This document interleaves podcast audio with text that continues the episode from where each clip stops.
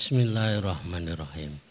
Assalamualaikum warahmatullahi wabarakatuh. Alhamdulillah. Nahmaduhu wa nasta'inuhu wa nastaghfiruh. Wa natubu ilaih. Wa na'udzu billahi min syururi anfusina wa min sayyiati a'malina. من يهده الله فلا مضل له ومن يضلل فلا هادي له. نشهد أن لا إله إلا الله ونشهد أن محمدا عبده ونبيه ورسوله. لا نبي ولا رسول بعده. اللهم اشرح صدورنا وتزوس عن سيئاتنا. Wahab lana fahmal anbiya wal mursalin. Wahab lana fahmas salafus salih. Allahumma anfa'na bima tanah Wa alimna ma yanfa'una wa zidna ilman Wa na'udhu billahi min ahwali ahli nar. Allahumma la sahla illa ma ja'altahu sahla wa anta taz'alul hazna idha syi'ta sahla Rabbi syrah li sadri wa yassir li amri wahlul 'uqdatam min lisani yafqahu qawli. Rabbi zidna ilma. Subhanaka la ilma lana illa ma 'allamtana. Innaka antal alimul hakim. Rabbana atina min ladunka rahmah wa lana min amrina rasada. Amma ba'd Bapak, Ibu dan jemaah sekalian yang semoga dirahmati Allah, semoga dicintai oleh Allah Subhanahu wa taala. Tempat ini selalu menjadi tempat yang mestinya itu difavoritkan, diidolakan. Karena sebuah tempat yang bertemu tiga muara. Sodakotun jariatunnya itu dapat dari yang diberikan. Ilmu yang bihi juga dapat. Karena kita berusaha untuk menyuguhkan ilmu-ilmu yang dirasa itu bermanfaat. Awaladun salihun yada'u lahu. Atau anak soleh yang ketiganya yang kriterianya dia itu pinter berdoa mendoakan orang tuanya. Mudah-mudahan inilah upaya ikhtiar untuk menjaga kesolihan kita. Karena setiap kita adalah mantan-mantan anak. Dulunya kecil ya, sekarang sudah tua. Bahkan sudah punya anak, bahkan sudah punya cucu. Tapi tetap itu dipanggil anak. Dan soleh itu akan tetap melekat terus. Ini adalah ikhtiar untuk menjaga kesolihan kita itu terjaga terus. Insya Allahnya begitu. Maka ikhtiar kita untuk selalu hadir, untuk selalu ada majelis yang tawa saubil hak, wa tawa saubis sober. Yang akan selalu menasihatkan kita kebenaran ada lima hal yang ditulis oleh Imam Asyaji. Ada lima hal yang kalau salah satu itu ketinggalan, maka amalan apa pun itu tidak akan naik ke langit. Tidak akan diterima di sisi Allah. Yang pertama adalah dia harus ma'rifatullah, kenal Allah. Walaupun yang dibahas itu amal soleh. Tapi kepada siapa amal soleh itu diperuntukkan. Termasuk sore hari ini kita akan membahas tentang ikhlas. Yang intinya ikhlas itu sesuatu yang sangat-sangat berkelas. Yang kedua ma'rifatul hak. Amalan itu diterima karena kita itu tahu kebenaran kebenaran itu ditampakkan yang dibawa oleh Al-Quran, yang dibawa oleh sunnah Rasulullah Shallallahu Alaihi Wasallam. Yang ketiganya ma'rifatus sunnah atau ma'rifatus syariah. Tahu ternyata kita ini tidak asal-asalan ketika beramal. Buatan ngawur, tidak asal. Ada ketentuan-ketentuannya. Kemudian yang keempatnya adalah ma'rifatul rasul. Juga harus ngerti apa yang dibawa oleh Rasulullah. Apa yang dicontohkan oleh Rasulullah. Dan yang kelima ini yang paling pokok tapi sulit. Aklul halal. Makanan yang halal itu yang menjadikan sebab kayak mobil itu bensinnya. Seberapa banyak di dalam mobil itu barang yang mau dibawa, mesinnya sehat, orangnya bisa nyopir, rutenya sudah tahu, tapi satu yang nggak tahu, mobilnya nggak ada bensinnya, atau bensinnya campur. Maka makanan halal itu ibarat bensin itu tadi. Seberapa kesiapan kita tapi kalau tidak diantar dengan makanan halal, itu tertolak, tertunda. Maka para bapak menjadi sebuah pesanan yang luar biasa. Berburu yang halal.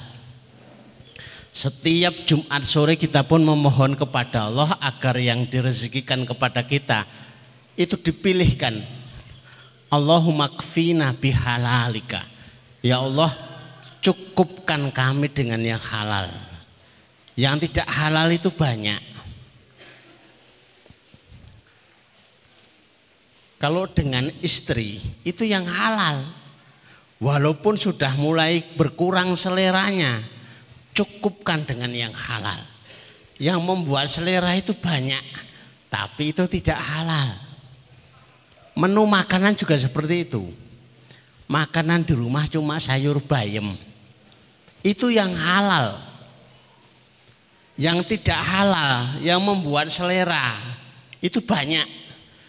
Tapi kita mohon kepada Allah, ya Allah, Allahumma kfina bihalalika an haramika. Ya Allah, buatlah selera kami itu hanya kepada yang halal. Bahkan ada seorang ustadz yang saya kenal baik gitu ya. Saya tidak mau sebut nama. Itu sampai mohon kepada Allah, ya Allah kalau sampai kemasukan makanan yang haram sedikit saja buat kami itu mual atau muntah. Jadi kalau dia itu makan di rumah makan tiba-tiba itu mual atau muntah itu berarti yang kemasukan makanan yang haram. Dibuat deteksinya begitu. Tapi kalau begini semua ini repot gitu ya. Cukup deteksinya adalah doa. Allah makfina bihalalika an haramika wa agnina fi batlika aman siwaka. Ya Allah, cukupkan kami dengan yang halal sehingga tidak selera dengan yang tidak halal itu enggak selera. Kalau kami harus takdirnya itu kaya, maka kayanya kami itu dengan anugerahmu ya Allah.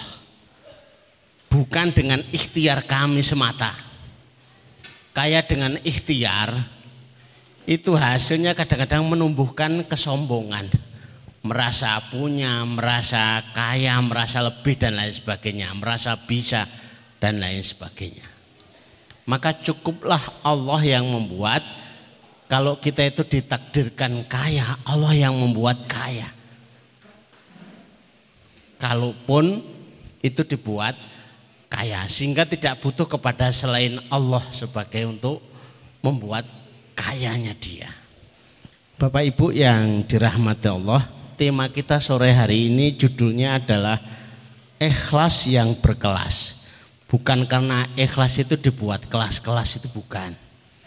Tapi ikhlas itu tempatnya adalah tempat yang sangat-sangat berkelas.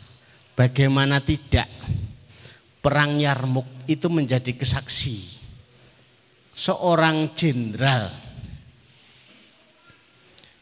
orang tertinggi gagahnya luar biasa namanya jenderal ya. Panglima lagi namanya Khalid bin Walid. Tiba-tiba oleh sahabat Umar bin Khattab sebagai Amirul Mukminin itu dicopot jadi prajurit biasa. Kita membayangkan aja susah itu. Kok bisa jenderal jadi rakyat biasa? Ini sebuah ujian hati yang luar biasa beratnya. Orang penting tiba-tiba jadi orang biasa. Tapi kalimatnya saya berjihad itu karena Allah, bukan karena Umar bin Khattab.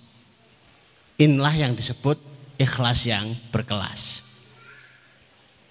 Dan kemudian dikuatkan kembali kenapa ini hadir dalam kisah kita. Ini ceritanya ada seorang abid.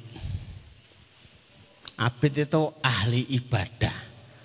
Waktu pulang ke kampung itu dapat kisah. Orang kampung itu terperdaya. Sempat terpesona dengan sebuah pohon yang dijadikan tempat berkumpul, tempat untuk mengadakan ritual-ritual. Dia orang yang alim, sekaligus alim, sekaligus abid. Maka kemeropok hatinya. Dia pulang ke rumah ngambil kapak. Ini sekaligus untuk menjadi hikmah bagi Bapak Ibu sekalian. Yang menjadikan kita kuat itu ya karena ikhlas kita. Yang menjadikan kita itu tidak ada kekuatannya. Hilang kekuatannya. Biasanya kalau ngaji itu semangat. Tenaganya itu full power. Ini kok lemes demes, lemes dempes gitu ya. Kayak nggak ada tenaganya itu kenapa gitu loh. Dia ngambil kapak, begitu pohon mau dipotong. Tiba-tiba muncul sesosok makhluk dari balik pohon itu. Tempat-tempat yang yang biasanya wingit itu biasanya ada yang nunggu dari bangsa jinnya. Makanya dari bangsa jin, dari bangsa setan. Dihentikan ahli ibadah. Maka anak berhenti di tempatmu. Apa yang kamu inginkan? Saya ingin menebang pohon yang selama ini jadi masalah di kampung ini masyarakat itu jadi tergoda untuk mengagungkan pohon padahal ada Allah Azza wa Jalla. Setan tidak terima. Maka terjadilah perkelahian. Dengan sekali banting setannya kalah.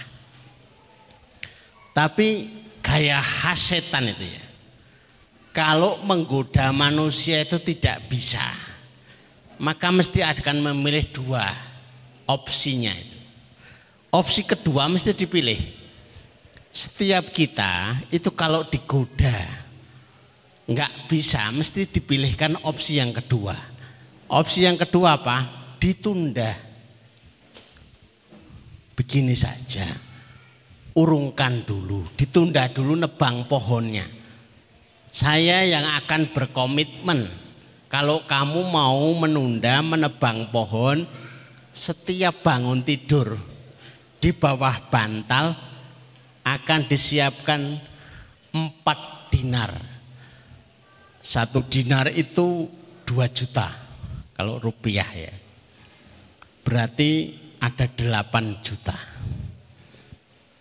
Begitu besok harinya bangun tidur, tentunya ini sudah sepakat abid dengan setan itu sepakat. Tapi ya tidak mesti jalan salaman deal itu ya enggak. Pokoknya sudah sepakat gitu ya. Bangun tidur dibuka bantalnya empat dinar.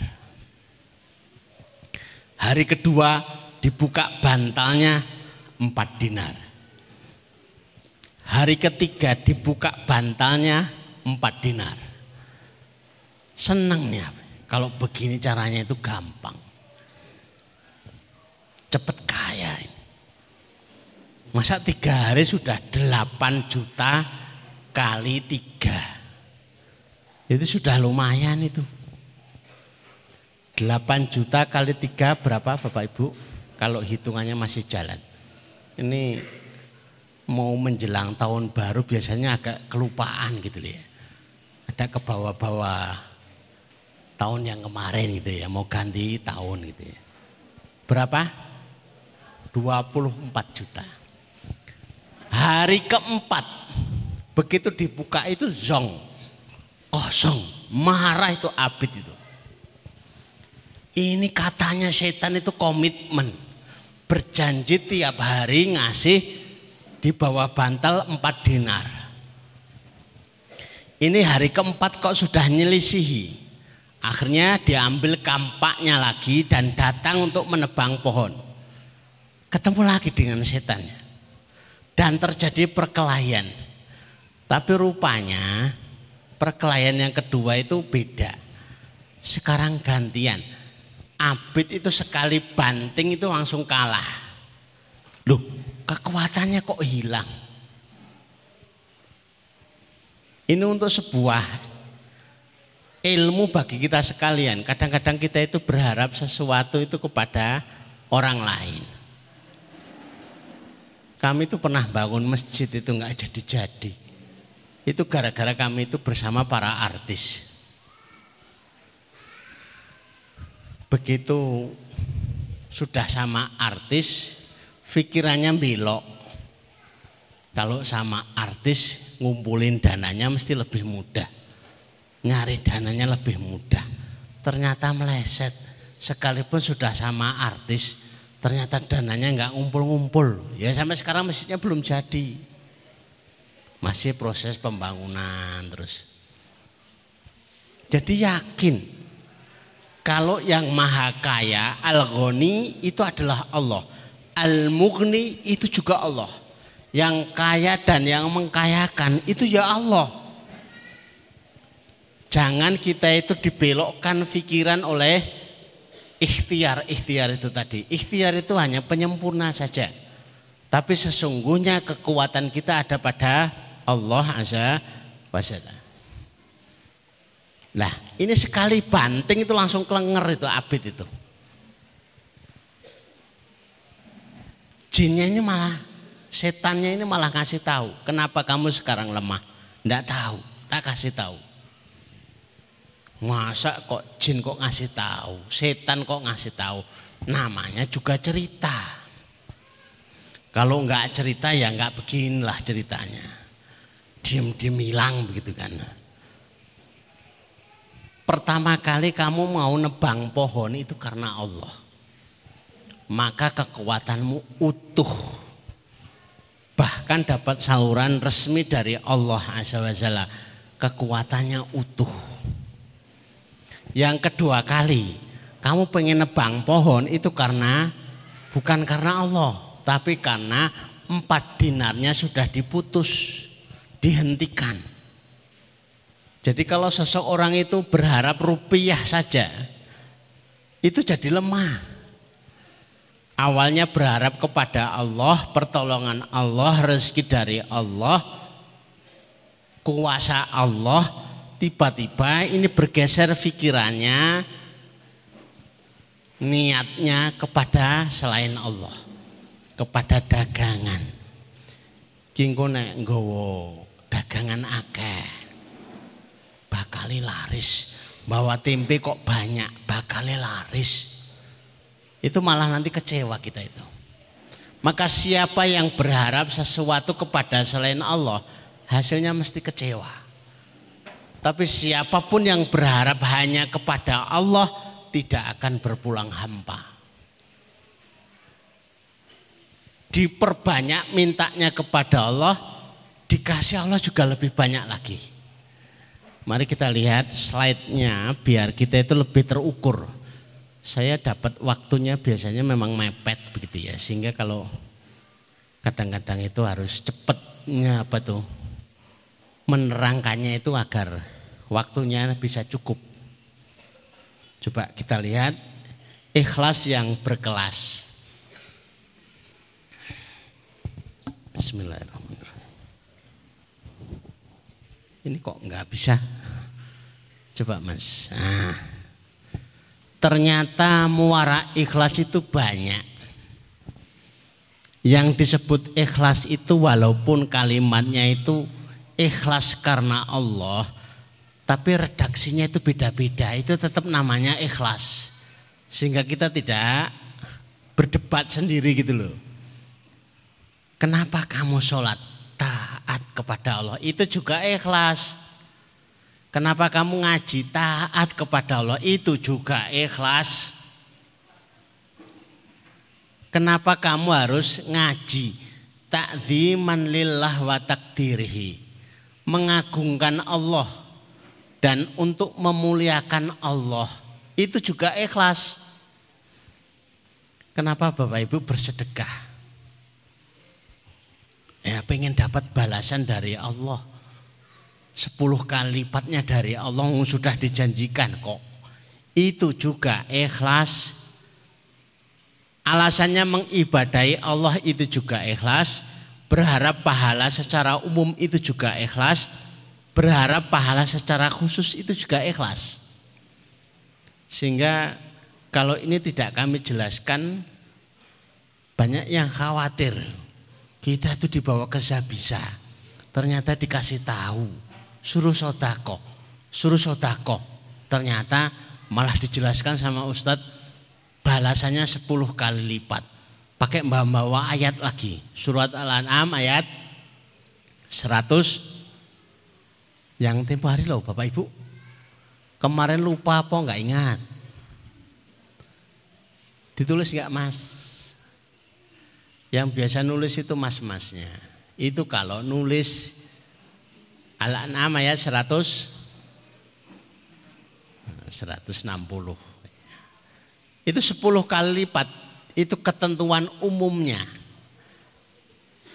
Bahkan ada yang berharap pahala secara khusus. 10 kali lipat itu pahala secara khusus.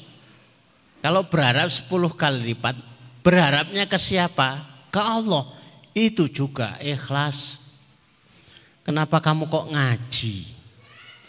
Biar diridhoi Allah. Itu juga ikhlas. Biar tidak disiksa oleh Allah. Itu juga ikhlas. Biar tidak masuk neraka jahanam. Itu juga ikhlas. Maka kami jelaskan semuanya. Ada satu, dua, tiga, empat, lima, 6, 7, 8, 9. Bahkan 9 muara ikhlas itu luas sekali. Jadi kalau ada muara itu ada sungai-sungainya, ada cabang-cabangnya. Agar kita tidak keliru. Masa ini orang beramal akhirat kok untuk mendapat pahala dunia? Bukan. Masih berharapnya kepada Allah. Pengen berharapnya balasan dari Allah. Cuma dia itu menyebut dengan khusus dengan takyin, dengan sebutan tertentu. Selanjutnya slide selanjutnya. Nah, makna luas ikhlas itu adalah semua amalan yang bermuara kepada Allah Azza wa Jalla. Boleh jadi selain sembilan tadi itu ada muncul pikiran-pikiran. Saya tak ngaji ah biar sehat. Yang ngasih sehat siapa kalau ngaji itu? Yang nurunkan Al-Quran lah. Wong wanunazilu minal Qur'ani ma huwa syifa. Diturunkan Al-Quran itu tak lain hanya untuk kesembuhan mereka yang membaca. Maka itu juga ikhlas. Maka kalau rancu Al-Qur'annya bilang begini. Ini juga Al-Qur'annya bilang begini ini Al-Qur'annya bilang begini, hadisnya begini. Ternyata semuanya muaranya sama, yaitu kepada Allah Azza wa Jalla. Sehingga kita lebih tenang itu. Oh, ternyata muaranya itu luas. Bisa semuanya tertampung. Pengen dicintai Allah.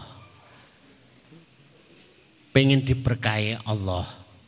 Pengen berlimpah di sisi Allah pengen lebih bermanfaat jadi hambanya Allah. Itu semua juga ikhlas. Memang tidak bisa saya sebut semuanya karena begitu luasnya, tapi kesimpulannya adalah karena maknanya yang luas, semua amalan yang bermuara ibtigha'an ya azza wa jalla mencari ridho Allah itu semua masuk dalam kategori ikhlas. Bapak Ibu yang dirahmati Allah, kalau kita ikhlas itu kita dapat apa saja toh? Mari kita lihat coba selanjutnya selanjutnya ya. Buah keikhlasan. Ibarat kita itu nanam. Itu selalu yang difikirkan itu kalau nanam itu nomor satu itu buah. Maka tanaman yang paling laris dijual itu adalah buah-buahan. Tanaman kok rumput. Ya laku tapi nomornya yang kesekian. Tanaman kok semak. Ya laku tapi nomor yang sekian. Kalau dibandingkan dengan tanaman itu adalah pohon durian. Pohon tomat. Itu lebih laku. Maka ini adalah pendekatan agar kita itu mudah memahami sesuatu. Kalau ikhlas itu buahnya apa sih? Kalau kita tanam dari sekarang, dari sejak awal, mulai dari berangkat dari rumah itu niatnya itu mencari ridho Allah. Agar taat kepada Allah. Agar dapat pahala di sisi Allah. Agar diberkahi Allah. Itu dapatnya apa buahnya? Maka yang pertama orang yang ikhlas itu adalah salah satu sebab amal itu diterima. Ibnu Katsir menerangkan tidak diterima amal kecuali dengan dua rukun. Rukun itu kayak tiang gitu ya. Kalau sampai rukunnya itu hancur berarti yang di atasnya hancur. Yang pertama itu ikhlas.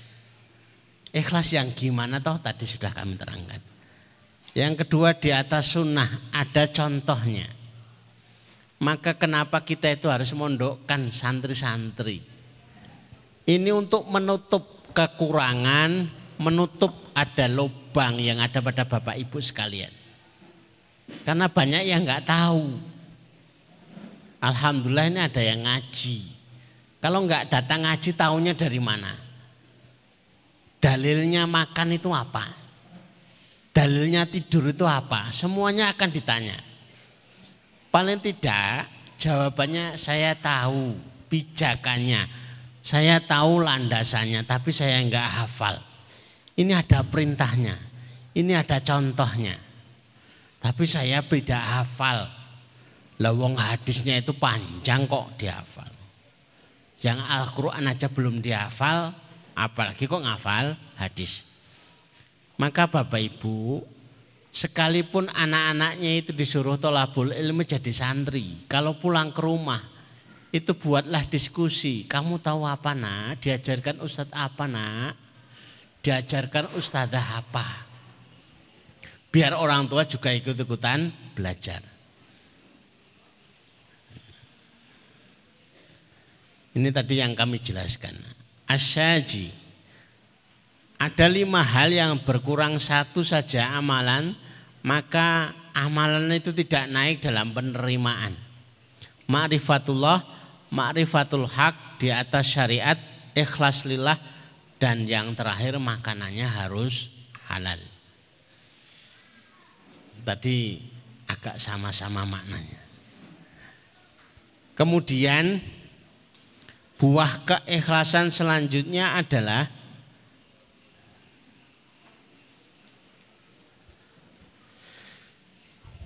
orang yang bertauhid itu orang yang paling berhak dengan syafaat Nabi Shallallahu Alaihi Wasallam.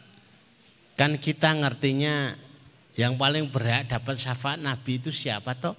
Yang berselawat belum tentu. Ternyata ada hadisnya.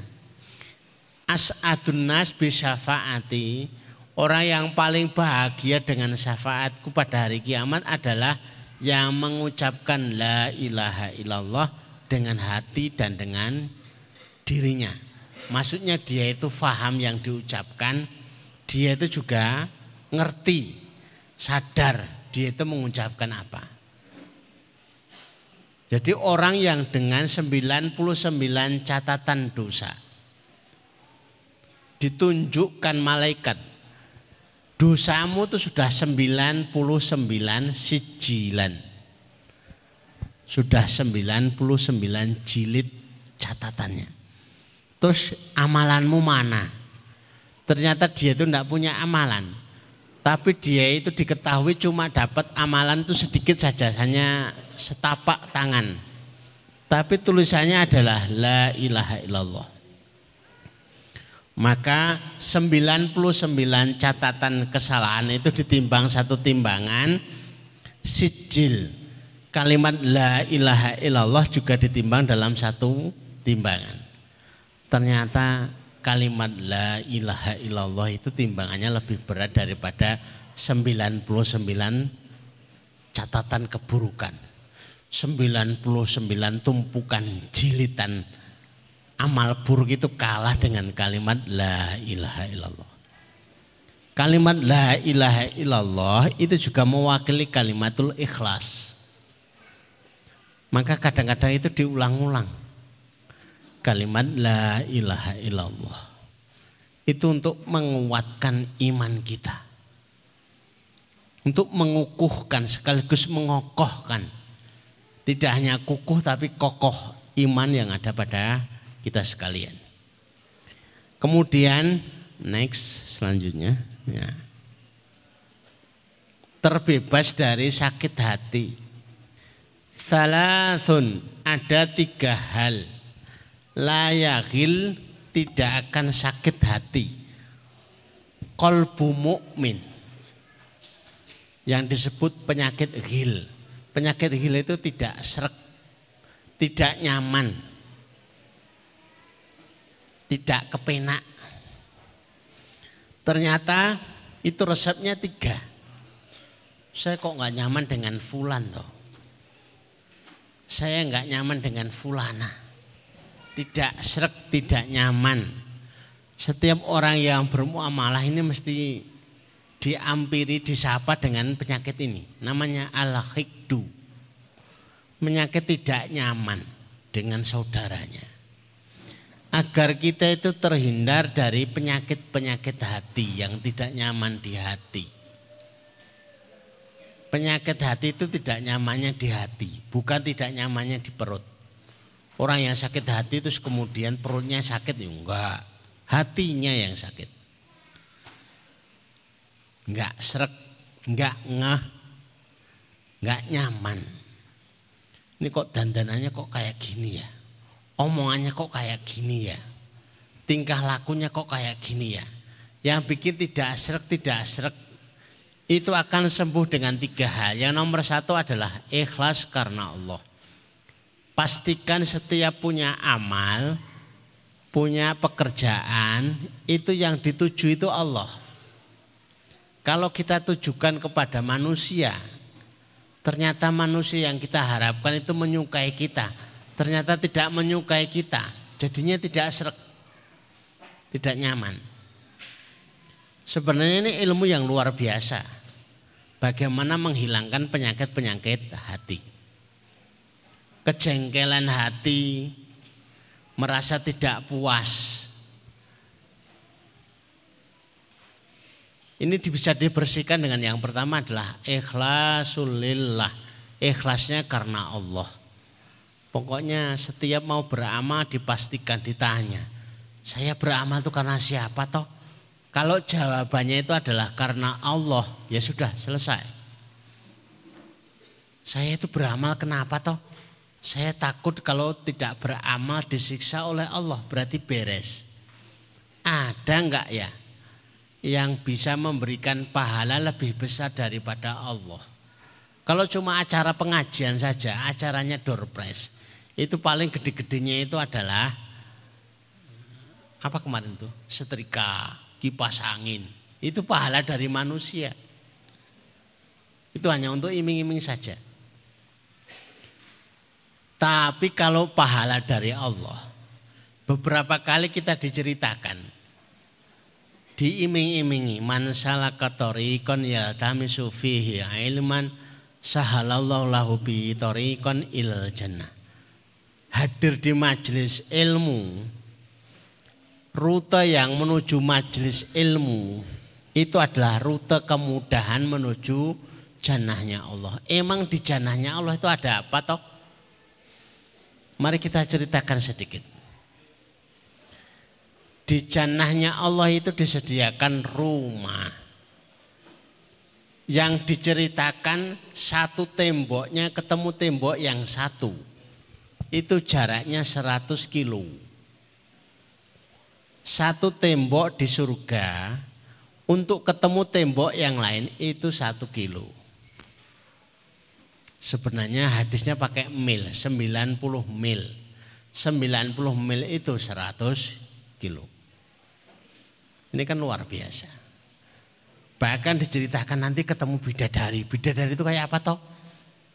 Bidadari itu dilihat dari kulitnya saja itu bisa transparan kelihatan tulangnya. Kan malah menakutkan kan? Malah ngeri. Malah horor. Pokoknya ya begitulah. Tidak ada beban lagi. Tidak ada kesulitan lagi. Maka diberikan kepada kita. Tidak ada orang yang di surga itu ngeluh itu loh. Iki mangane piye. Iki carane piye. Iki enak apa ora. Enggak ada. Kulama ruziku min hamin roti rizko. Ketika diberikan rezeki dari buah-buahan buah-buahan itu tidak asing bagi manusia. Bentuknya kayak duren. Tapi rasanya beda dengan duren dunia. Apalagi dengan duren temanggung jauh. Bentuknya saja tapi rasanya beda. Bahkan semua keinginannya dikabulkan oleh Allah Subhanahu wa taala. Yang kedua, al munasohatu li a'immatil muslimin. Kalau pengen terbebas dari sakit hati, sakit hati itu susah diobati. Kami belum pernah periksa ke dokter ketemu dengan dokter hati. Terus ada pasiennya gitu ya. Padahal kalau buka praktek sakit yang akan disembuhkan itu adalah sakit hati itu banyak yang antri itu. Kalau kita itu suka menasihati kepada para pemimpin kaum muslimin, itu cara membebaskan agar kita tidak terhinggapi dengan penyakit hati. Jangan diam. Kalau enggak sesuai, ya diingatkan. Ini sudah ngajinya sudah mulai dekat dengan waktu maghrib, ya ngomong. Jangan diem aja. Lah, enggak selesai-selesai kok. Enggak enak ngomong sama ustadz Wong waktunya sudah maghrib kok. Nah, itu malah jadi masalah. Yang ketiga, luzumu jama'atihim. Komitmen dengan jamaahnya. Kalau memang tidak srek, maka komitmenlah dengan apa yang sudah menjadi kesepakatan. Sepakatnya apa saja. Setiap manusia yang berkumpul itu mesti membuat kesepakatan dua orang saja itu membuat kesepakatan. Suami istri itu membuat kesepakatan. Maka suami istri agar tidak ada penyakit hati itu luzumu jamaatihim. Sepakatlah dengan apa yang disepakati. Ada peraturannya enggak? Yang jadi wasit itu apa toh? Saya itu hadir di beberapa pernikahan menyampaikan khutbah nikah. Hampir di setiap khutbah nikah itu jarang disampaikan hakuz zaujah, haknya suami istri. Padahal pada nggak ngerti. Pokoknya nikah yo nikah itu.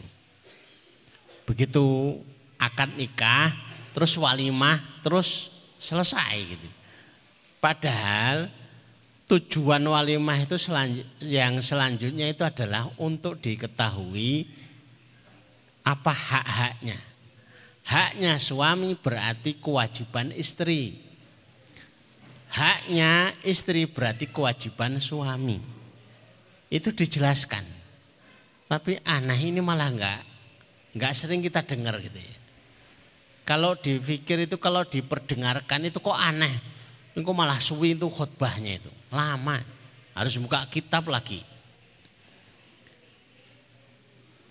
Selanjutnya setelah terbebas dari sakit hati, mengubah lemah menjadi kuat. Tadi sudah kami ceritakan di awal tentang kisah penebang pohon. Orang yang ikhlas itu juga dipahalai besar. Mengubah yang mubah jadi amalan yang sunnah. Orang mendatangi istri itu dipahalai lo. Loh, mendatangi istri kan kewajiban. Coba kalau yang didatangi bukan istri, dapat pahala apa dapat dosa? Ya dapat dosa. Berarti yang didatangi tetap benar. Yang didatangi istrinya berarti dapat pahala. Orang makan itu berpahala kalau niatnya itu benar. Kenapa berpahala? Padahal makannya itu mubah. Karena dia itu makan makanan yang dia pastikan kehalalannya. Coba kalau yang dimakan itu adalah makanan milik tetangganya. Ini jadi masalah kan? Maka dia menjadi amalan tidur itu juga jadi amalan. Kalau tidur tidak pada waktunya itu jadi dosa. Bahkan dengan ikhlas itu bisa menjadi amalan yang setingkat dengan amalan orang-orang yang beramal. Tempo hari sudah kami jelaskan. Gara-gara kita itu kenal ikhlas, itu kita itu bukan jadi pemalas gitu ya. Tapi amalan itu jadi berkembang luas. Lihat orang pinter itu ya Allah. Jikalau engkau anugerahkan kepadaku ilmu sebagaimana ilmunya. Aku akan beramal persis seperti yang dia amalkan. Maka malaikat disuruh mencatat humafi ajari sawa. Dia pahalanya sama. Ada seorang yang ditugasi itu di bumi Palestina ya, di bumi Suriah sana. Dilihat itu orang bawa bantuan kepada para pengungsi itu senang banget. Pahalanya kan banyak. Sementara dia itu cuma tukang masak. Dia itu pengen maju ke depan, front depan. Ingin bantu mereka-mereka yang dalam pengungsian. Tapi dilarang. Kenapa? Huma fi ajri sawa pahalanya sama. Yang masak dengan yang tolabul ilmi pahalanya sama. Sehingga dengan ikhlas itu tadi belum tentu ustadz itu pahalanya lebih besar daripada tukang masak. Boleh jadi yang tukang masak itu dipahalai sama dengan ustadz. Karena dia tahu ilmunya amalan yang kecil itu bisa dipahalai besar gara-gara ikhlas. Amalan yang besar bisa jadi mengecil gara-gara ikhlasnya yang berkurang. Di situlah hikmah kenapa ikhlas itu menjadi sangat-sangat berkelas. Coba kalau semuanya itu di, diarahkan kepada Allah, ya Allah, ya Allah, ya Allah. Maka banyak amalan-amalan yang biasa itu menjadi amalan yang istimewa menjadi amalan yang luar biasa. Oke, selanjutnya coba slide selanjutnya. Ternyata slide selanjutnya alhamdulillah tandanya selesai. Ini diput, dipecet berapa kali sampai kemeng mejetnya. Kalau alhamdulillah itu selesai gitu ya. Mudah-mudahan yang sebentar. Saya ambil dari kitab Kitatul Intilak tempat kita berpijak. Agar dievaluasi semua pergerakan kita itu dilambari dengan keikhlasan kita kepada Allah.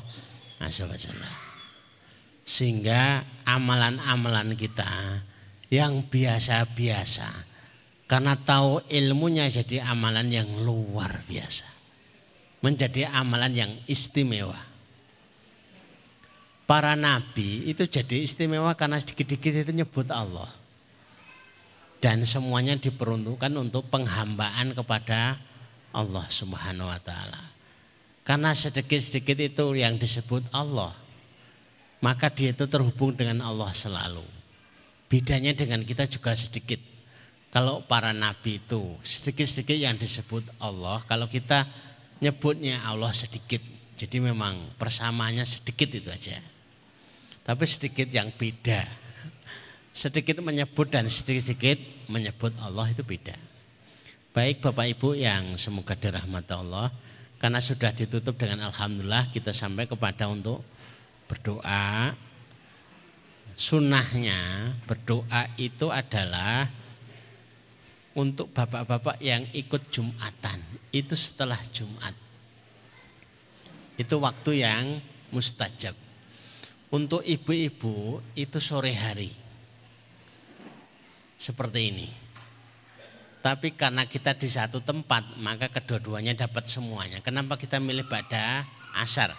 Karena kita milih dua-duanya ketemu, sama. Coba kalau kita pilih pada duhur, nanti yang datang kan susah. Monggo Bapak Ibu yang semoga dirahmati Allah kita tata hati kita, kita tata pikiran kita, mudah-mudahan semua hajat-hajat kita dikabulkan oleh Allah Subhanahu wa taala. Tidak perlu kita itu doa akhir tahun ini sudah termasuk walaupun tidak diniati doa akhir tahun ini ya berdoa di akhir tahun begitu ya. Ini anak hari terakhir dari bulan Desember. Bismillahirrahmanirrahim. Alhamdulillahirabbil alamin. Allahumma shalli ala Muhammad wa ala ali Muhammad kama shallaita ala Ibrahim wa ala ali Ibrahim innaka Hamidum Majid.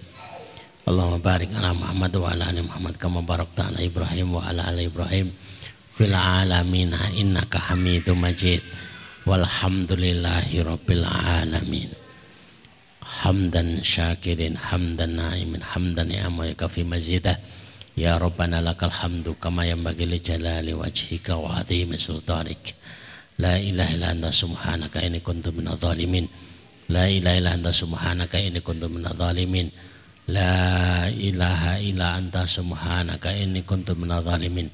Allahumma ya Rahman ya Rahim ya Hayyu ya Qayyum ya Dzal Jalali wal Ikram. Allahumma ya Rahman ya Rahim ya Hayyu ya Qayyum ya Dzal Jalali wal Ikram. Allahumma ya Rahman ya Rahim Ya Hayyu Ya Qayyum Ya Dzal Jalal wal. Allahumma inna nas'aluka min khairin ma sa'ala min nabiyyika Muhammad sallallahu alaihi wasallam. Wa na'udzubika min syarri ma min nabiyyika Muhammad sallallahu alaihi wasallam. Antal musta'an alaikal balag wa la haula wa la quwwata illa billah. Ya Allah, sesungguhnya kami memohon seluruh kebaikan yang pernah diminta oleh Nabi kami sallallahu alaihi wasallam. Ya Allah, sesungguhnya kami mohon seluruh perlindungan yang pernah diminta oleh Nabi kami Shallallahu Alaihi Wasallam. Engkaulah tempat kami yang meminta, engkaulah yang menyampaikan segala urusan. La khawla wa la quwwata illa billah. Allahumma inna nas'aluka amalan baron wa rizqan daron wa aisan wa qaran. Ya Allah, anugerahkan kepada kami amalan yang baik-baik, rezeki yang mengalir, kehidupan yang tenang, kehidupan yang tentram, birahmatika ya arhamar rahimin. Allahumma kfina bihalalika haramika. Wa aghnina bifadlika aman siwaka. Allahumma kfina bihalalika haramika. Wa aghnina bifadlika aman siwaka. Allahumma kfina bihalalika haramika.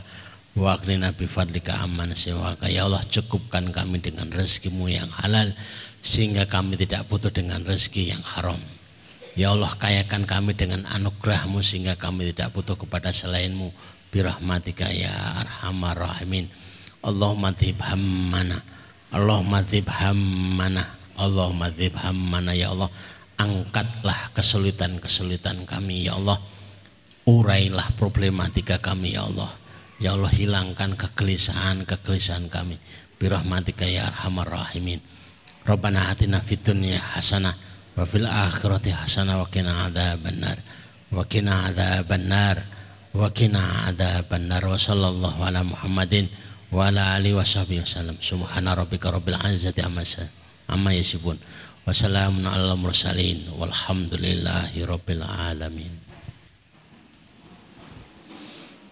Baik Bapak Ibu yang semoga dirahmati Allah Demikian yang kami sampaikan kurang lebihnya minta maaf. Kita akhiri dengan doa kafaratul majlis. Subhanakallahumma rabbana Wa bihamdika asyhadu an la ilaha illa anta astaghfiruka wa atubu ilaik. Assalamualaikum warahmatullahi wabarakatuh